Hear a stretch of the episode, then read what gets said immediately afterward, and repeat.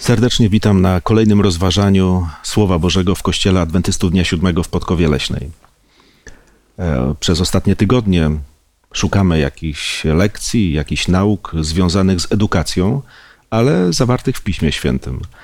Dzisiaj sądzę, że dochodzimy do jakiegoś kluczowego tematu, bo chcemy poruszyć kwestię Jezusa Chrystusa jako największego nauczyciela.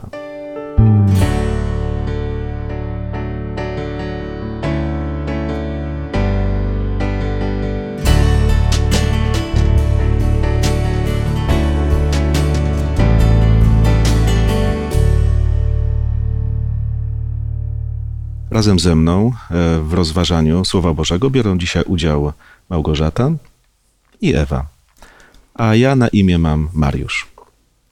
Chciałbym, żebyśmy rozpoczęli to rozważanie Bożego Słowa modlitwą. Panie nasz i Boże, bardzo Ci dziękujemy za Twoje słowo i za możliwość poznawania go i też rozmawiania o Twoim słowie.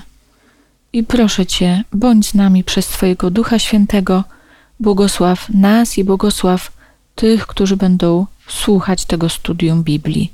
Amen. Amen. No myślę, że to temat nadrzędny, jakiś, jakiś, jakieś motto tego spotkania, które mówi o tym, że Jezus jest największym nauczycielem, e, chyba to jest rzecz oczywista. Jako chrześcijanie, gdy rozmawiamy o różnych sprawach, to Jezus jest dla nas wzorem we wszystkim, dosłownie we wszystkim. E, ale dobrze sobie czasami zadać pytanie, dlaczego tak uważamy? No bo możemy myśleć o tym, że Pan Jezus wiedział wszystko, albo używał, no nie wiem, najlepszych metod prezentowania wiedzy, a może chodzi o coś jeszcze więcej, może coś jeszcze innego. Chciałbym, żebyśmy właśnie sięgając do fragmentów Słowa Bożego zwrócili uwagę, dlaczego możemy tak spoglądać na Pana Jezusa, a później będziemy mówili, co z tego w ogóle wynika, no bo wiadomo, do czegoś to prowadzi. Zacznę od pierwszego fragmentu Pisma Świętego z listu do Hebrajczyków, pierwszego rozdziału, wersety 1 y, po 4, może odczytam. Wielokrotnie i wieloma sposobami przemawiał Bóg dawnymi czasy do ojców przez proroków. Ostatnio, u kresu tych dni, przemówił do nas przez Syna, którego ustanowił dziedzicem wszech rzeczy, przez którego także wszechświat, wszechświat stworzył. On, który jest odblaskiem chwały i odbiciem Jego istoty i podtrzymuje wszystko słowem swojej mocy, dokonawszy oczyszczenia z grzechów, zasiadł po prawicy majestatu na wysokościach i stał się o tyle możniejszym od aniołów, o ile znamienitsze od nich odziedziczył imię. Tutaj jest y, niesamowity, y, niesamowite zdanie. On, który jest odblaskiem chwały i odbiciem Jego istoty. To jest chyba sedno tego, w jaki sposób Bóg pokazał siebie w Jezusie Chrystusie. No do tej pory, jak czytamy na samym e, początku tego fragmentu Biblii, jest powiedziane, że Bóg e, stopniowo, na wiele sposobów objawiał dawniej swoje słowo przez proroków. Posługuje się Biblią w przekładzie Ewangelicznego Instytutu Biblijnego. Brzmi to w taki sposób. A więc wielokrotnie. E, objawienie proroku wydaje nam się bardzo dobre, wystarczające i takie jest. E, ale z jakiegoś powodu mamy pokazane to, że teraz spotyka nas ogromny przywilej, bo Jezus Chrystus jest dużo lepszym, doskonałym objawieniem Boga i Jego woli. Co jeszcze znajdujemy w tych słowach? Ja bym może jeszcze potwierdziła te słowa, które Ewa powiedziała. I dla mnie najpiękniejsza ta różnica i największa różnica pomiędzy objawieniem Boga przez proroków, a przez Jezusa to jest, że Jezus jest odblaskiem chwały Boga. E, prorocy mogli jedynie zapowiadać, opowiadać o Bogu, a tutaj przyszedł Syn Boży, który pokazał, jaki jest Bóg. E, jeszcze na pewno będziemy wiele razy dzisiaj wracać do tego, że patrząc na Jezusa, Jezus mówił: Patrzycie na mnie, widzicie Boga. Przyszedłem pokazać wam Boga. Czyli ten obraz Pana Boga był ukazany konkretnie w człowieczeństwie Jezusa Chrystusa. To, jaki był. Ale mówimy, że jest to odblask chwały Boga i odbicie Jego istoty, czyli coś jeszcze głębszego. Ten, ten, ta istota człowieczeństwa, czy istota Pana Boga, czyli ten charakter, to, co jest najważniejsze, właśnie było pokazane w Jezusie Chrystusie. On swoim życiem, swoją postawą pokazał Ojca. No tak jak e, zauważyłem, zobaczcie, jest powiedziane na samym początku, jego objawienie jest jeszcze pełniejsze niż objawienie przez proroków. Dalej jest powiedziane, tak już pod koniec tego fragmentu czytanego, że stał się ważniejszym od aniołów. A więc z perspektywy ludzi, no wszystko ponad, ponad. A więc mówimy wręcz o jego naturze, która została objawiona. Osobiście to już nie jest opowiadanie ludzi, którzy mają informacje od Pana Boga, bo tak czynili prorocy. Teraz dzieje się coś wyjątkowego.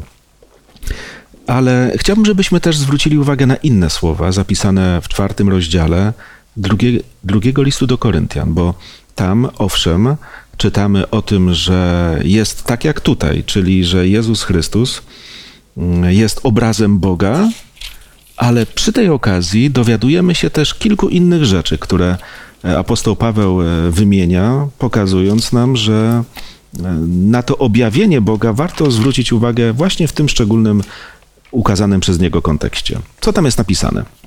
Jeszcze raz mówię, to jest drugi list apostoła Pawła do Koryntian, czwarty rozdział od wiersza pierwszego. Ja przy, pozwolę sobie przeczytać y, wersety od trzeciego do szóstego z tego drugiego listu do Koryntian. A jeśli nawet Ewangelia nasza jest zasłonięta, zasłonięta jest dla tych, którzy giną, w których Bóg świata tego zaślepił umysły niewierzących, aby im nie świeciło światło Ewangelii o chwale Chrystusa, który jest obrazem Boga. Albowiem nie siebie samych głosimy, lecz Chrystusa Jezusa, że jest Panem, o sobie zaś, żeśmy sługami waszymi dla Jezusa. Bo Bóg, który rzekł, z ciemności niech światłość zaświeci, rozświecił serca nasze, aby zajaśniało poznanie chwały Bożej, która jest na obliczu Chrystusowym. Tutaj mamy powtórzony tekst, że Jezus jest obrazem Boga, ale dodatkowo jest nazwany Panem i dodatkowo jest nazwany tą światłością, która rozświeciła ciemności, rozświeciła nasze serca. Jezus przyszedł między innymi po to, żeby pokazać prawdziwy obraz Boga, ale zastanawiałam się to, dlaczego przyszedł, przecież Izrael miał przynajmniej w teorii, prawdziwy obraz Boga. Miał tu ogłoszoną Ewangelię, miał poselstwo, ale gdzieś przez te ileś wieków tak się nawarstwiły fałszywe nauki, że Jezus musiał wręcz przyjść, żeby rozświecić ciemność, która zapanowała w Izraelu, żeby pokazać pra prawdziwy obraz Boga. E, to jedno, mówimy tutaj o Jezusie, który który pokazywał Ojca i to było bardzo potrzebne w tym, w tym momencie akurat historii. Mm, ale dalej, co za tym idzie, może wcześniejszy fragment e, tutaj zacytuję. E, werset pierwszy, drugi, bo zaczęłaś czytać od trzeciego.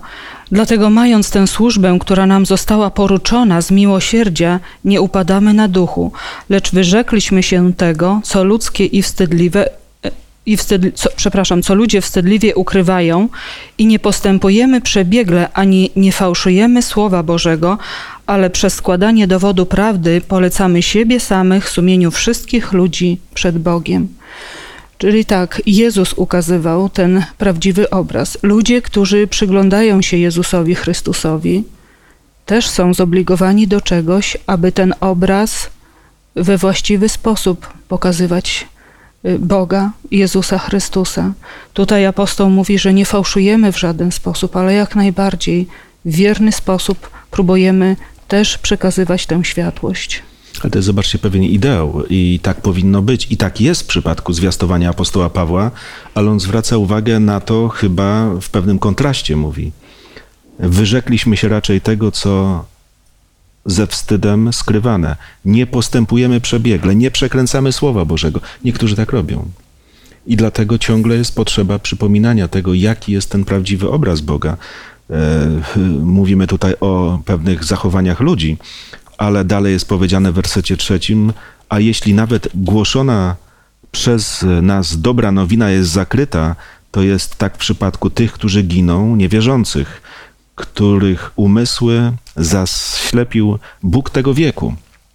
Więc mamy do czynienia z taką ofensywą przeciwko temu Bożemu objawieniu. Bóg robi swoje, a diabeł powoduje, że ludzie nie wierzą. A nawet jak zaczynają wierzyć, to czasami dostają jakiś wykoślawiony obraz Pana Boga i to czasami z ust tych, których się czasami odbiera jako zwiastunów Ewangelii.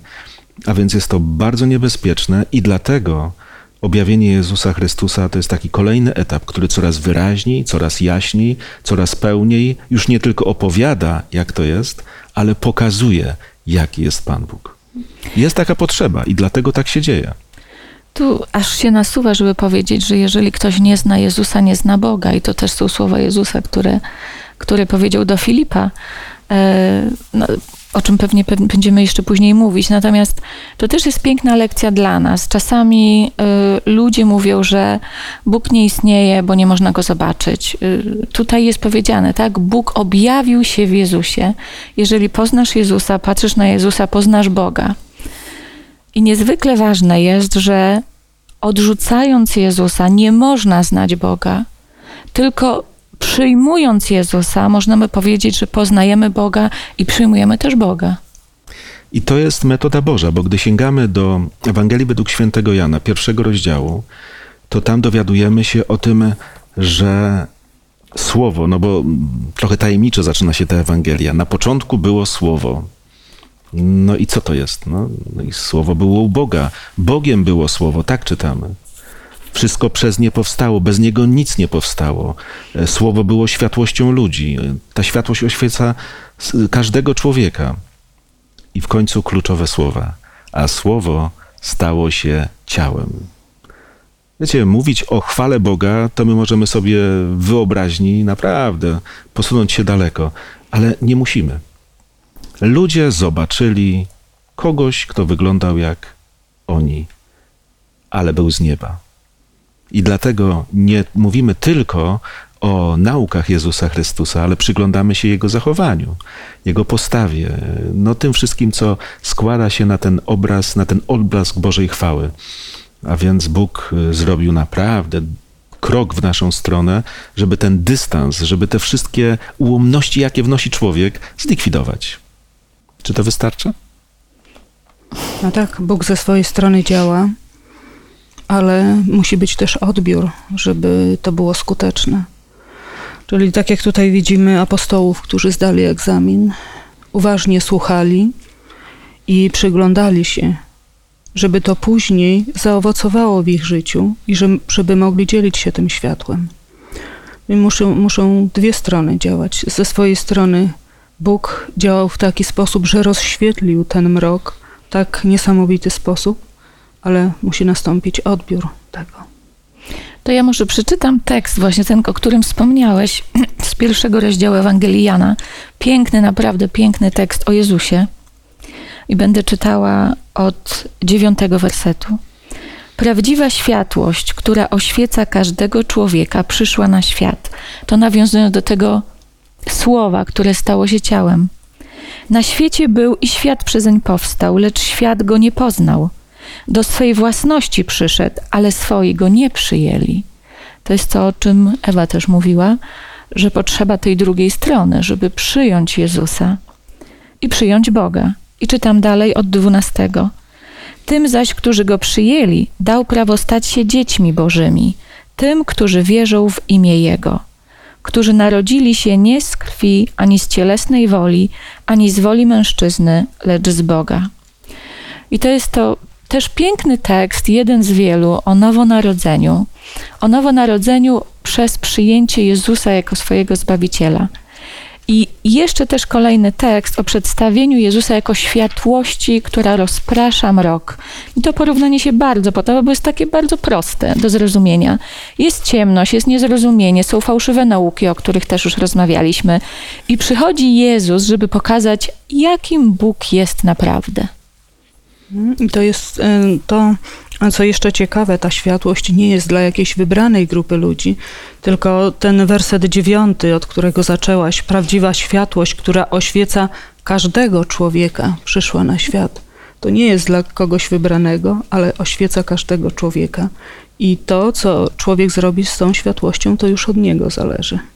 A widzimy, ile starania Bóg włożył, żeby ta światłość zaistniała. I ludzie się zachwycali tym, co widzieli.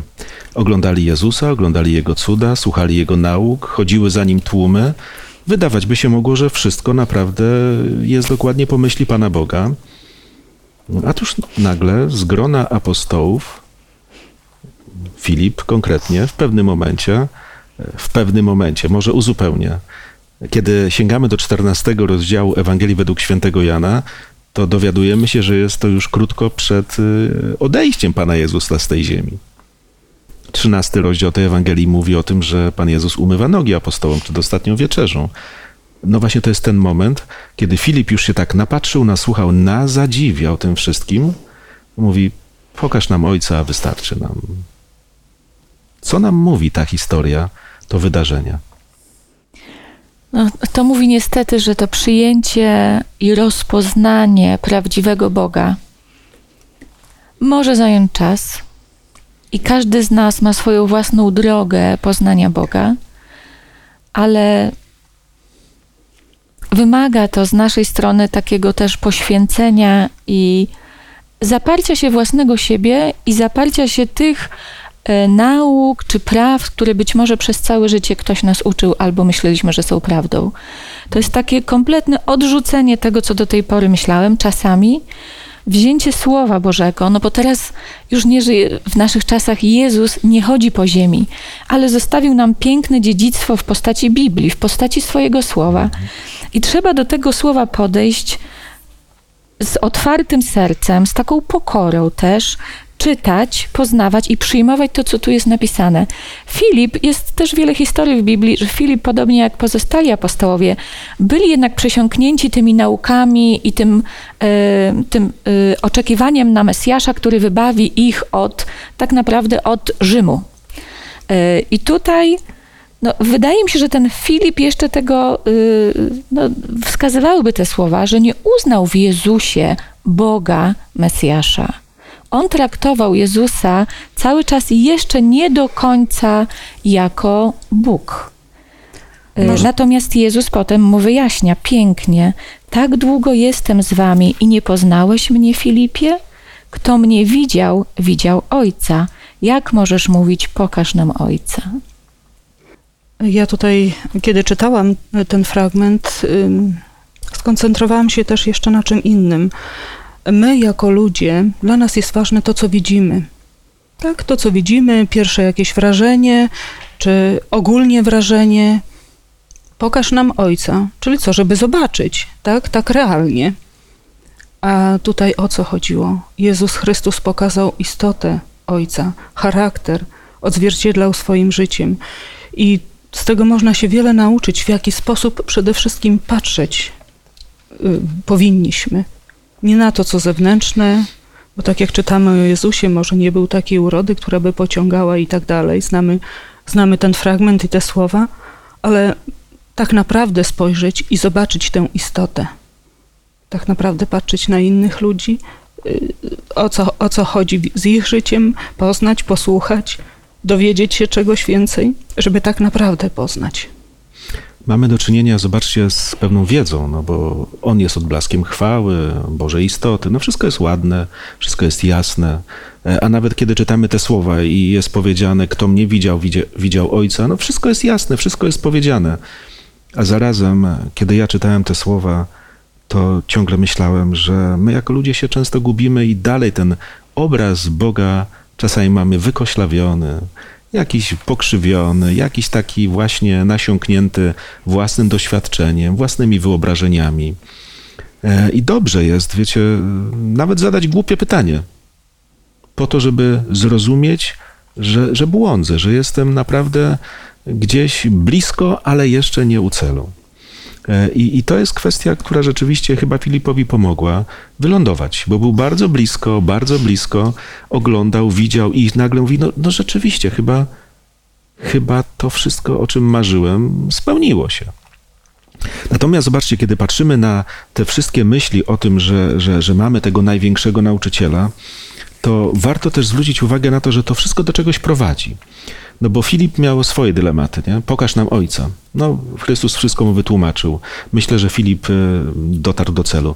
Mm, Ale myślę, że o tym samym rozmawiał apostoł Paweł z wierzącymi w Filipi, w zborze, do którego napisał piękny list. I drugi rozdział, e, chociażby od pierwszego do czwartego wiersza, później w czwartym rozdziale, pokazuje, e, jak w ogóle przekłada się na życie ta świadomość tego, że widzimy Ojca. Że ten nauczyciel naprawdę pokazał nam to, co chciał pokazać, a my to zobaczyliśmy. A więc jak to się praktycznie e, objawia? Może odczytam e, list do Filipian, e, drugi rozdział, wersety 1 po 4.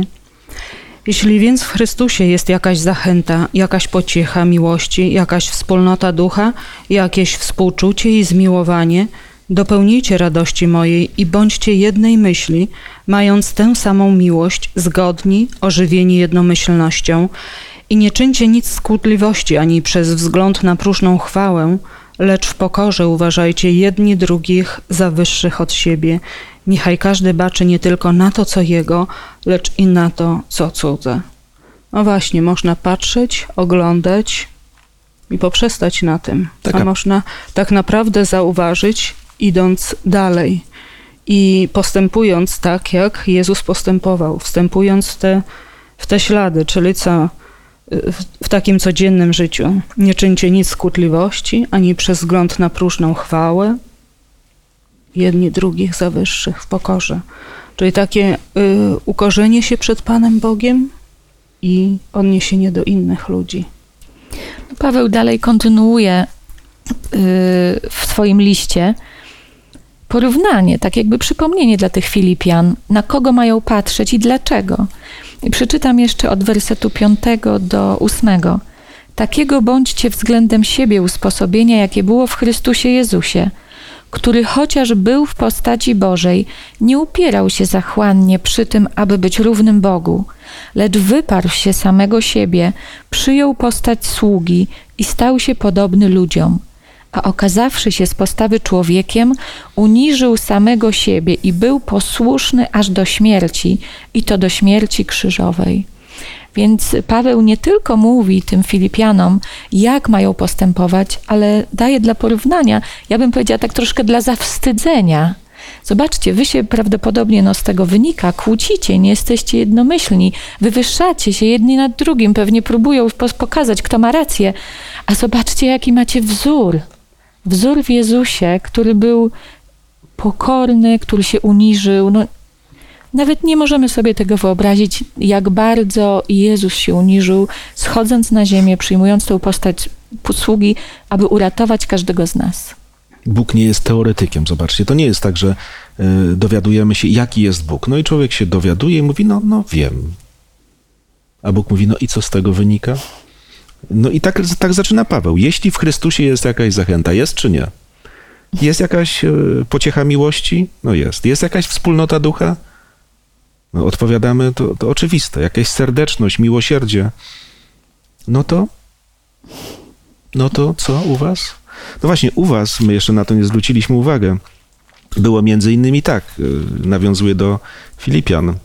E, Czwarty rozdział, werset drugi, trzeci mówi Zachęcam Ewoidę i za, zachęcam Syntychę, aby były jednomyślne w Panu.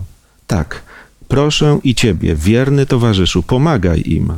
One dla dobrej nowiny zmagały się wraz ze mną i tak dalej. Czyli to nie są postaci jakieś negatywne. One były bardzo zaangażowane w dzieło Boże, aż nagle zbór ma problem. No możemy sobie wyobrazić, prawda, zbór, w którym są tylko dwie osoby z sobą skłócone, ale skoro Paweł musi o tym pisać w liście, to znaczy, że tam się nieźle musiało pieklić i być może ludziom się nie chciało do zboru przychodzić, bo widzieli rzeczy, które no po prostu nie przystoją chrześcijaństwu. Mm, Co robi Paweł? No jak już mamy ten obraz Boga, to bądźcie względem siebie takiego usposobienia, jakie było w Chrystusie. Czyli jakiego? No właśnie, pokazuje tutaj, w jaki sposób Ojciec wywyższa Jezusa. A tak naprawdę to wywyższenie polega na tym, na tej trudnej drodze Jezusa w dół, na samo dno, aż na Golgotę. I to jest, to jest wywyższenie po Bożemu. No, niezwykłe. Wywyższenie przez służbę. Wywyższenie, że pozwolę się źle traktować. Wbrew naturze. No. Myślę że, myślę, że czytamy tutaj o tym, że Bóg naprawdę wymaga od nas bardzo wiele. Naprawdę potrzebujemy dużych zmian. No taki nam przykład daje nauczyciel, ale zobaczcie, to nie jest tylko przykład. To jest właśnie taka zachęta, to jest, to jest wzór, który mamy w Chrystusie, który nie pokazał nam celu teoretycznie, ale mówi naśladuj mnie, a później Paweł mówi naśladuj go. To właśnie wynika z tej całej wiedzy o Bogu, bo wiecie, ludzie mogą mówić o naturze Boga i się nawymądrzać, może nawet i wypowiedzieć wiele dobrych słów. Ja wracam do tego samego stwierdzenia. I co z tego wynika? Czy piękna jest ta nauka też z Biblii, tak jak Jezus pokazał Boga, był obrazem Boga, tak wcześniej czytaliśmy, że Paweł zachęca nas, żebyśmy też byli w swoim życiu obrazem, y, żebyśmy pokazywali faktycznie, że wierzymy w Boga przez to, jak się zachowujemy. I zawsze przy takiej sytuacji to y, przypomina mi się tak jakby wpatrywanie się w lustro, że się patrzymy, czy na obraz, patrzymy na obraz, patrzymy i jakby no, y, to upadabnianie się, to my powinniśmy się być coraz bardziej podobni do tego obrazu, w który się wpatrujemy. Taki ja widzę jakby ideał z Biblii, to czego Bóg chce nas nauczyć. I teraz kiedy przestajemy się do niego upodabniać, jak przestajemy na niego patrzeć, bo tracimy z oczu wzór. Natomiast jak będziemy faktycznie na co dzień pielęgnować tą, ten kontakt z, z Bogiem przez czytanie Słowa Bożego, przez modlitwę i przez doświadczanie też Boga, to faktycznie no, może nie wpadniemy w to ryzyko, tak jak Filipianie, że gdzieś tam ta kłótliwość weszła do zboru ale podstawą jest patrzenie na Jezusa. I to, co Paweł tutaj zrobił, że przypomniał znowu Filipianom obraz Jezusa, żeby zobaczyć, i wręcz powiedział: Zobaczcie na niego, zobaczcie na jakim, jakim jest wzorem. To my każdego dnia powinniśmy sobie od nowa, codziennie stawiać wzór Boga, stawiać wzór Jezusa przed oczami, żeby sobie przypominać ten obraz i żeby się do tego charakteru Bożego upodabniać. Ale mamy dużo więcej. Bo wiecie, przykład, wzór to jest jedno, natomiast czytamy też w Biblii Bóg w Chrystusie świat z sobą pojednał. Nie możemy mówić, wiecie, o dobrym świecie, o dobrych ludziach, o zmienionych ku lepszemu chrześcijanom, którzy po prostu nie przyjęli, nie przeżyli ofiary Jezusa Chrystusa. Syn Tycha, no łatwo powiedzieć, Ewoidzie i tej koleżance, kiedyś przyjaciółce, a teraz nie wiadomo, co się stało. Wiecie, czasami tak jest, że ludzie naprawdę nie mają już pojęcia, co się stało, ale napięcie wisi. Co można zrobić? Więc znowu czytamy: Bóg w Chrystusie świat sobą pojednał. I powtórzę się, i co z tego wynika? I Paweł zaraz dodaje: I nam powierzył służbę pojednania. Uleczenie idzie przez pojednanie. Co to znaczy? Jak można się pojednać? No, Chrystus umarł, i pojednał nas z sobą. A jak te dwie kobiety miały się pojednać? Albo co możemy zrobić, kiedy mamy ludzi, którzy no, z jakiegoś powodu no, stronią od nas? Stworzony jest dystans. Słusznie, niesłusznie. Co można zrobić w takiej sytuacji?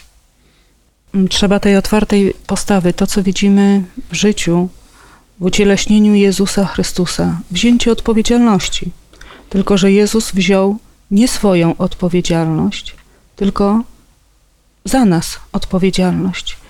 I w takich relacjach normalnych człowiekowi brakuje często tego, mamy to echo raju, to on jest winny, to ona jest winna. Chyba takim pierwszym krokiem jest wzięcie odpowiedzialności, zastanowienie się nad tym, co, co robię i wzięcie odpowiedzialności za to, przyznać pewne rzeczy i przerwać w pewnym momencie Czasami się to udaje, jeżeli obie strony tak podchodzą. Jeżeli można, ale trzeba chcieć pojednania, zobaczcie.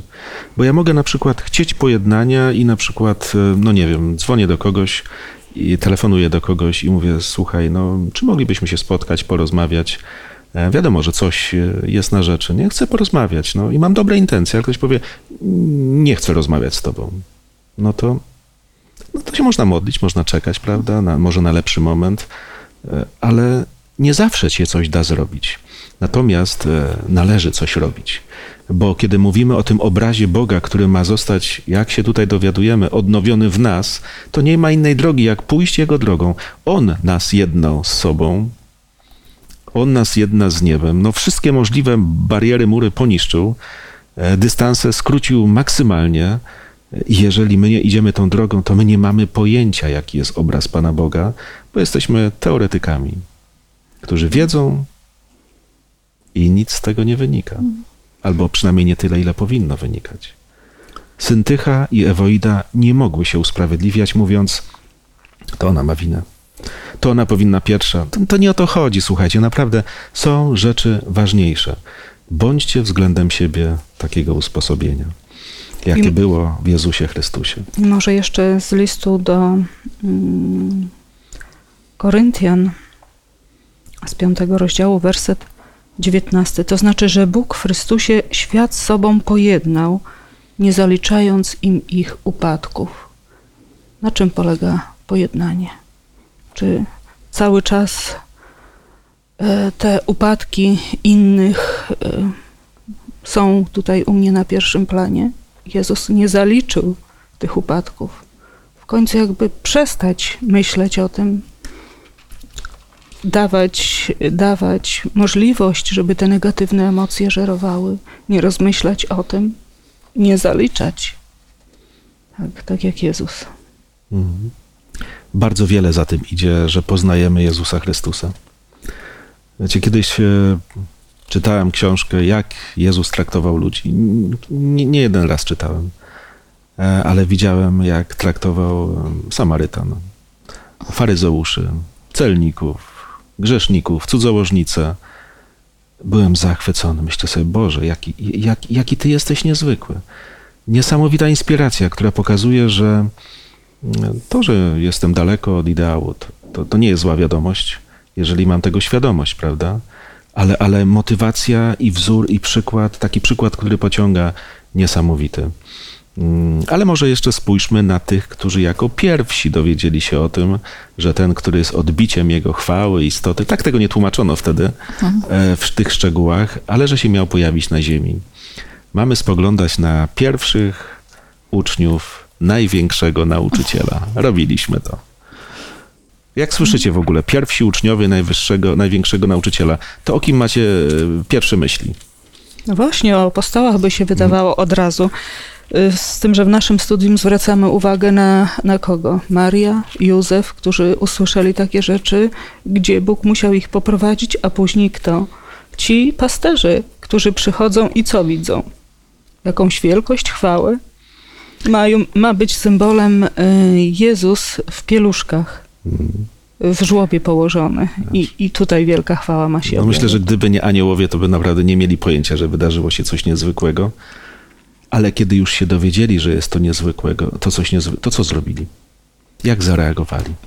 No, poszli. To, to jest ta podjęcie akcji, że w ogóle poszli. E, Ja bym jeszcze dodała, że tam są, e, jest napisane w Ewangelii Łukasza, że pojawili się aniołowie i wojska niebieskie. To była e, wizja, która się pokazała tym pasterzom, musiała być niezwykła, ale z drugiej strony, czy te wojska niebieskie aniołowie przemówiliby do osób, które nie są gotowe na przyjęcie? Też myślę, że nie. Ci pasterze y, na pewno rozmyślali i też tak jak część Izraela czekali na Mesjasza. I teraz pojawi, pojawi, y, pojawili się aniołowie, wojska niebieskie i powiedziały narodził się Mesjasz.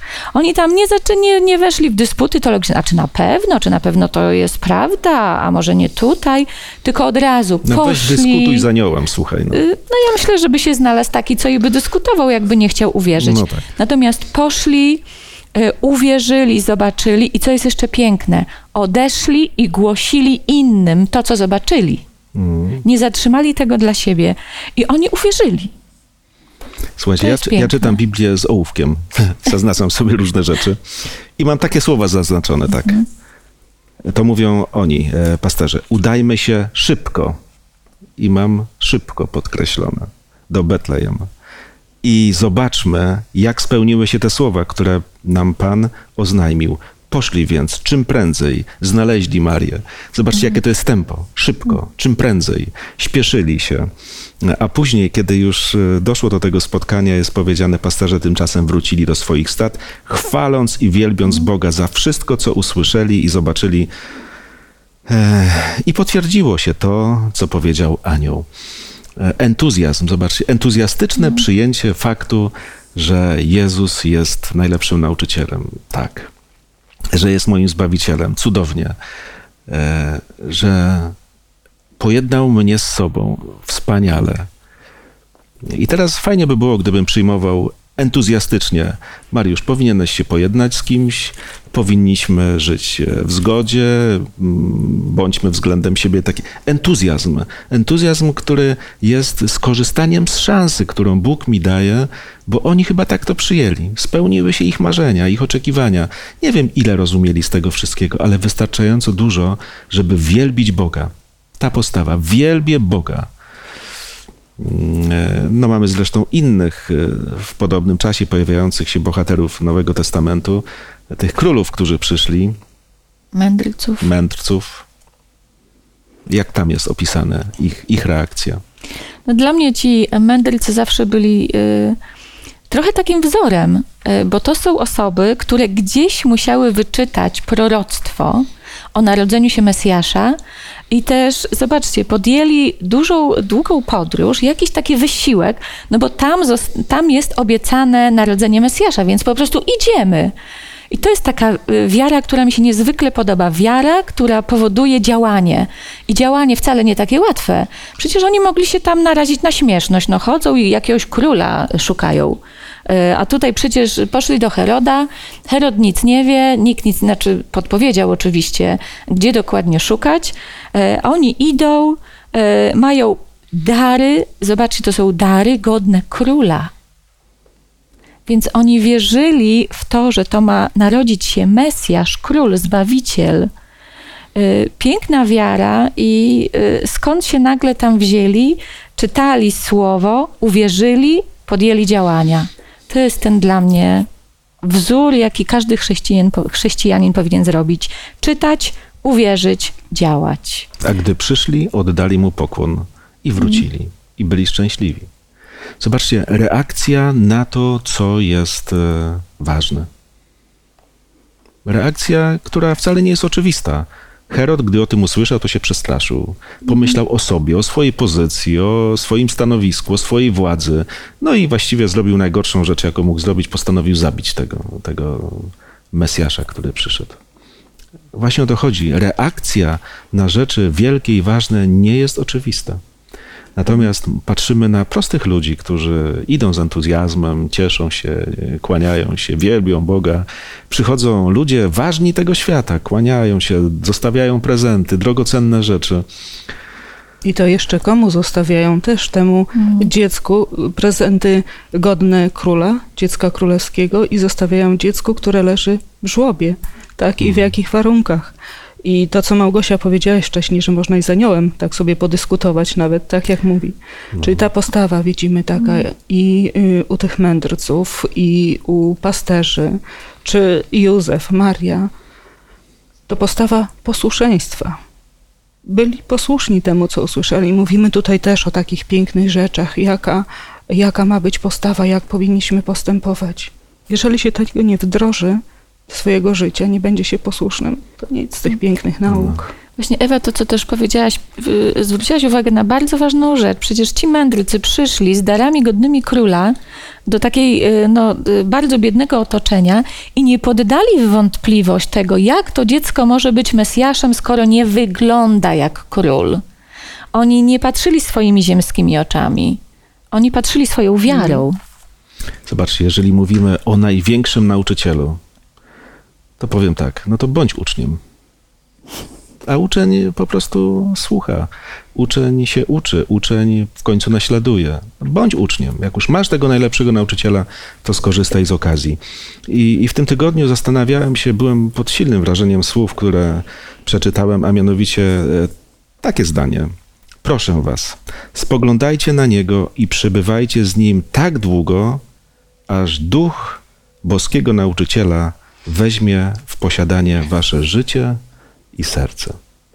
I chyba o to chodzi, żeby e, ocierając się, spotykając się w życiu z rzeczami naprawdę świętymi, żeby coś na nas takiego właśnie zostało, a nie żeby świat szedł, e, mój świat, swoją drogą, jakby tak równolegle do tego wszystkiego, gdzie wiedza rośnie, nawet nadyma, jak mówi apostoł Paweł, powodując różnego rodzaju uczucia samozadowolenia, podczas gdy apostoł Paweł mówi, my wtedy wszyscy z odsłoniętym obliczem, oglądając jak w zwierciadle chwała Pana, zostajemy przemienieni w ten sam obraz, z chwały w chwałę, jak to sprawia Pan, który jest duchem. Cel, który sobie wyznaczył ten wielki nauczyciel, to jest dokładnie to. Nasza przemiana powoli, z chwały chwałę, stopniowo, ale jednak e, dokładnie z takim zamiarem, jaki miał Pan Jezus. I myślę, że to jest chyba już koniec naszego rozważania.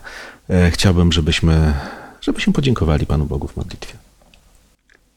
Drogi Panie i Boże, dziękujemy Tobie za słowa, za to, czego nas uczysz, ale przede wszystkim za Twoje życie, za to, że chciałeś tak wiele dla nas zrobić.